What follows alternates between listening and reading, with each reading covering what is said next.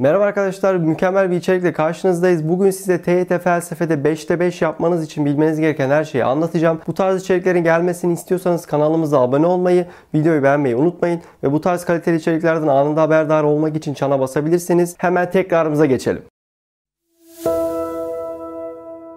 Evet arkadaşlar hemen başlayalım. İlk olarak bilgi felsefesi, epistemoloji. Burada bilmemiz gereken bazı önemli kavramlar var. Ee, örneğin bilgi aktı, insanı bilgiye ulaştıran kaynaklar, akıl gibi, duyu gibi, e, suje, özne, obje, nesne, a priori bilgi arkadaşlar deneyden bağımsız, kendiliğinden oluşan bilgi. Bir de a posteriori bilgi var. Bu deney sonrası oluşan bilgi. Bu ikisi karıştırılabiliyor. Ee, iyice ezberleyin. Dogmatik, hani dogma bir şey kapalıdır, e, eleştirilmeye, değiştirilmeye kapalıdır. Tümel uzlaşım, bir önermenin doğruluğu herkesin veya hani çoğunluğun kabul ettiğidir. Hani çoğunlukta uzlaşırsa e, buradan tümel uzlaşım. Çoğunluk tüm. Diyalektik karşıtları kullanarak gerçekleştirilen bir akıl yürütme biçimidir. Zıtlıklardan yani yararlanılır. Şöyle karşılıklar gelsin aklınıza. Evet arkadaşlar doğru bilginin imkansızlığı var. Yani burada bir doğru bilgi imkansızdır, ulaşamayız diyenler var. Bir de e, ulaşabiliriz, vardır diyenler var. İmkansızlığını savunanlar septisizm akımı. Bunun kendi içinde de farklı e, düşünce akımları var. Örneğin sofistler ilk olarak septisizmi sistematik olarak kullanan sofistler insanların algılarının göreceli olduğunu savunmuşlardır. Yani bilgide göreceliği, görecelik diğer bir e, relativistliği savunmuşlardır. Temsilcileri, e, temsilcileri de bilmekte fayda var. E, akımı verip işte bu akımı e, kimler destekleme, desteklemiştir ya da desteklemeyen filozof kimdir gibi sorular sorabiliyorlar. Protagoras bütün şeylerin ölçüsü insandır demiş. Georgias nihilizmi savunmuştur kendi adına. Septiklerde arkadaşlar Pirion var. E, nesnelerin ne olduğunu bilemeyiz. Çünkü e, nesneler oldukları gibi değil, göründükleri gibi gösterirler. Biz içinde ne olduğunu bilemeyiz, sadece görüneni biliriz diyor.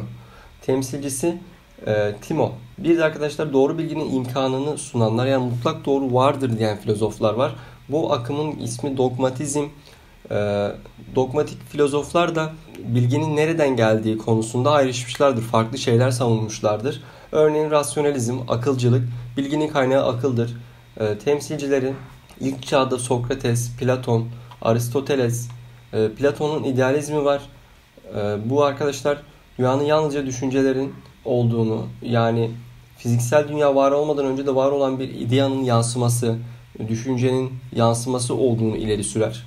Orta çağda Farabi, yeni çağda Descartes, Spinoza, Leibniz, Hegel, Empirizm var arkadaşlar. Empirizm deneycilik, bilginin kaynağı deneydir. Temsilcileri John Locke, Hume, Berkeley, Berkeley sensualizm diye akımı vardır arkadaşlar. Bilginin temelinde duyumlar vardır. Duyumlar.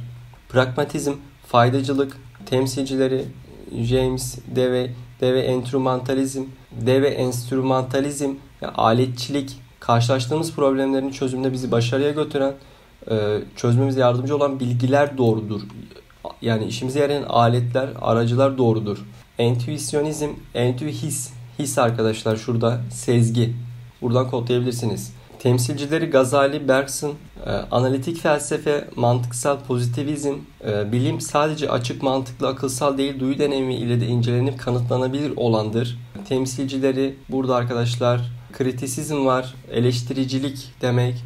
En önemli temsilci Kant, pozitivizm, olguculuk, Comte. Arkadaşlar orada 3 o. Şunları bu şekilde aklınızda tutabilirsiniz. Pozitivizm, olguculuk, Comte. Doğru bilgi ancak bilimsel bilgidir. Yani pozitivist bilgidir. Evet arkadaşlar 3 hal yasası. Ee, burada 3 tane evre var. İlk iki evre yıkıcı evredir. Yani negatif kısım. Ee, son evrede e, tüm toplumların ulaşmak durumunda oldukları pozitif yani yapıcı evredir.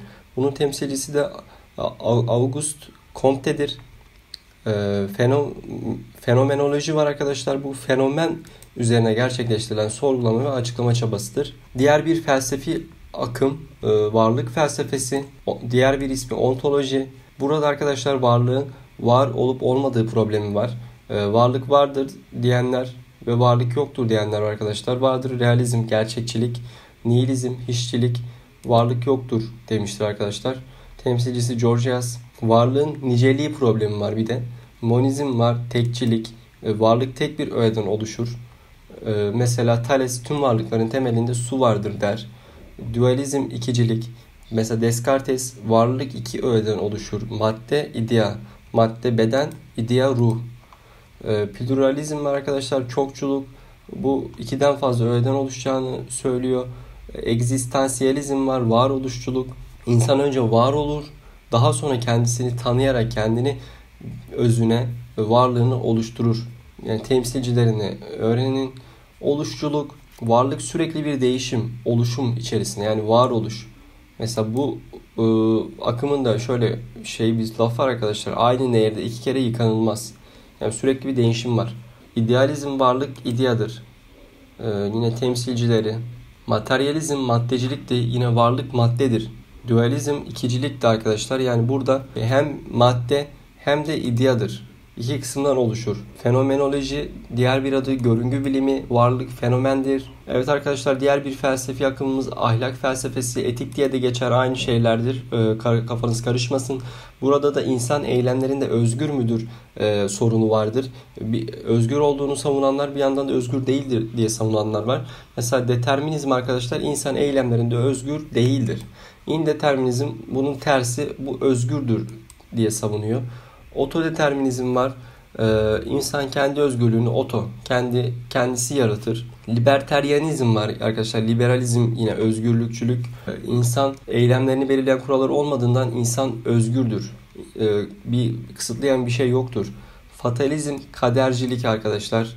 Bu önceden her şey belirlenmiştir ve biz buna göre yaşarız diye savunur. Ee, bunlar arkadaşlar bir de evrensel ahlak yasasının varlığını reddedenler var. Mesela hazcılık.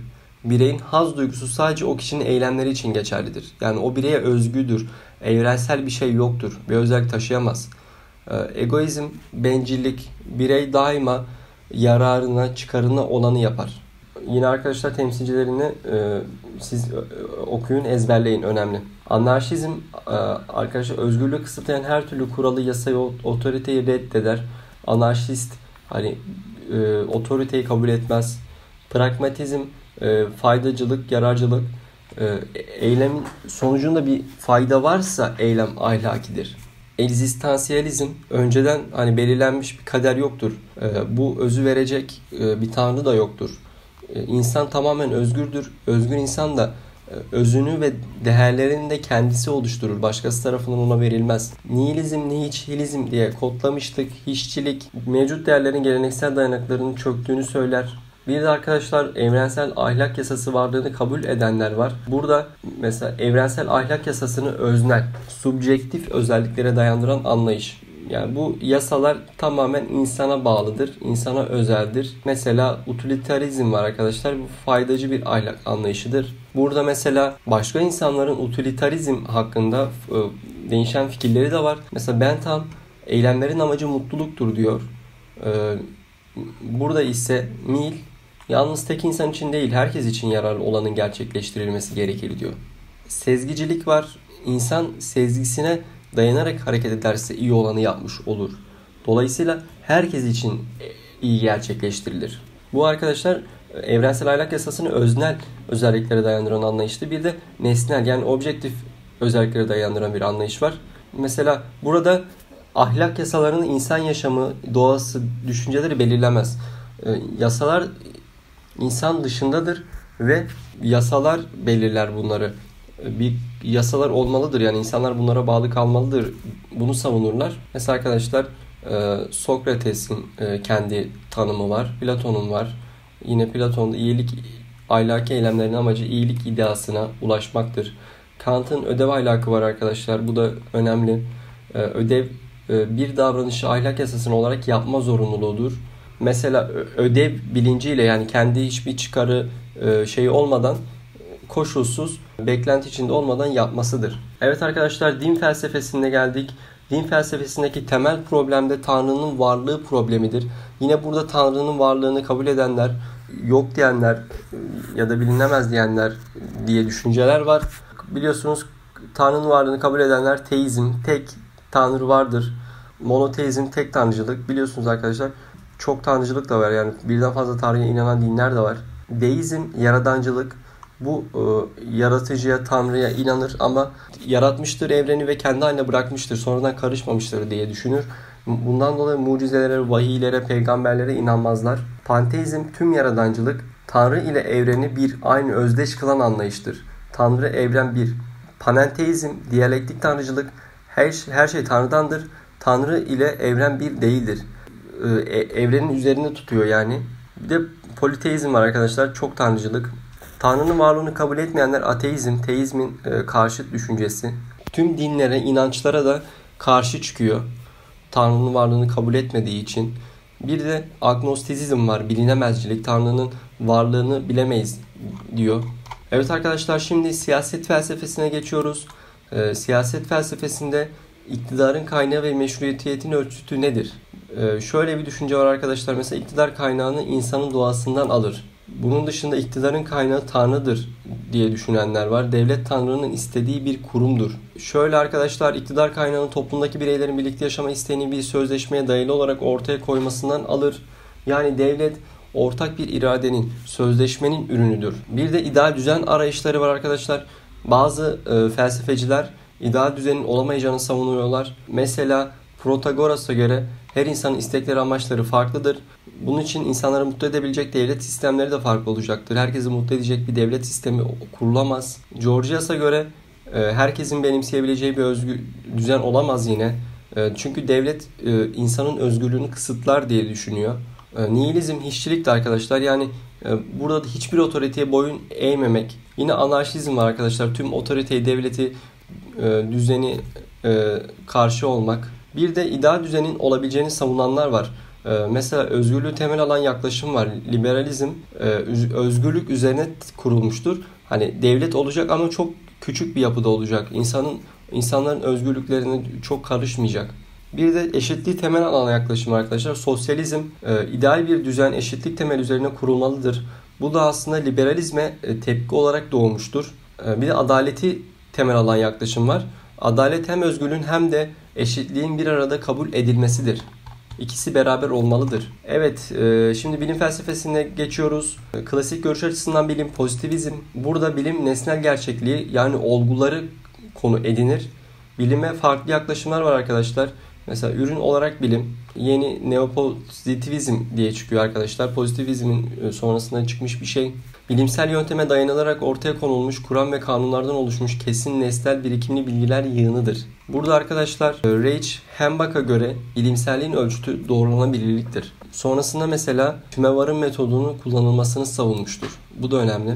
Etkinlik olarak bilim. Bu süreci yönlendiren olgular bilim insanların oluşturduğu topluluk ve onların çalışmalarıdır. Bilim ancak bu süreci incelemekle anlaşılabilir. Kuhn'a göre bilim ise arkadaşlar e, kesintisiz akıp giden birikimsel bir süreç değildir.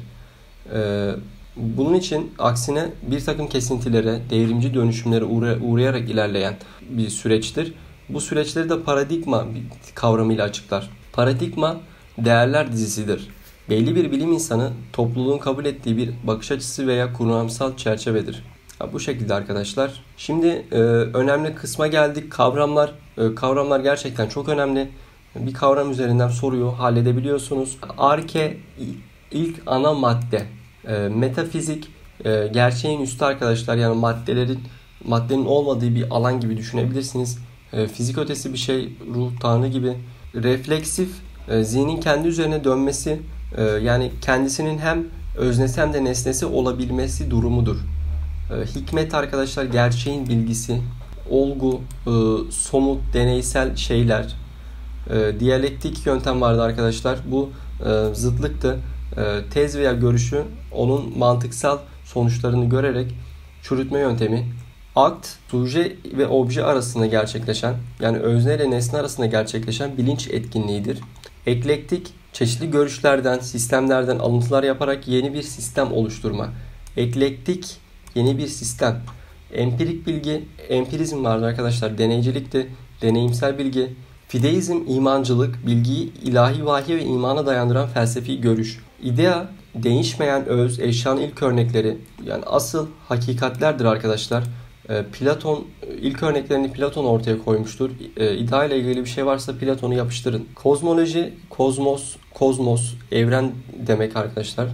E, evren bilgisi, evreni idare eden genel konuları inceliyor, inceleyen ilimdi arkadaşlar. E, logos, söz, düşünce, kavram, akıl ve evrenin kanunu. Evet arkadaşlar tekrar videomuzun sonuna geldik. Bizim bu tekrar videolarındaki amacımız YKS özelinde karşınıza çıkabilecek bilgileri hızlıca sizin önünüze sunabilmek. Bizden başka tekrarını çekmemizi istediğiniz dersleri aşağı yorum olarak bırakabilirsiniz. Bir başka tekrar videosunda görüşmek üzere.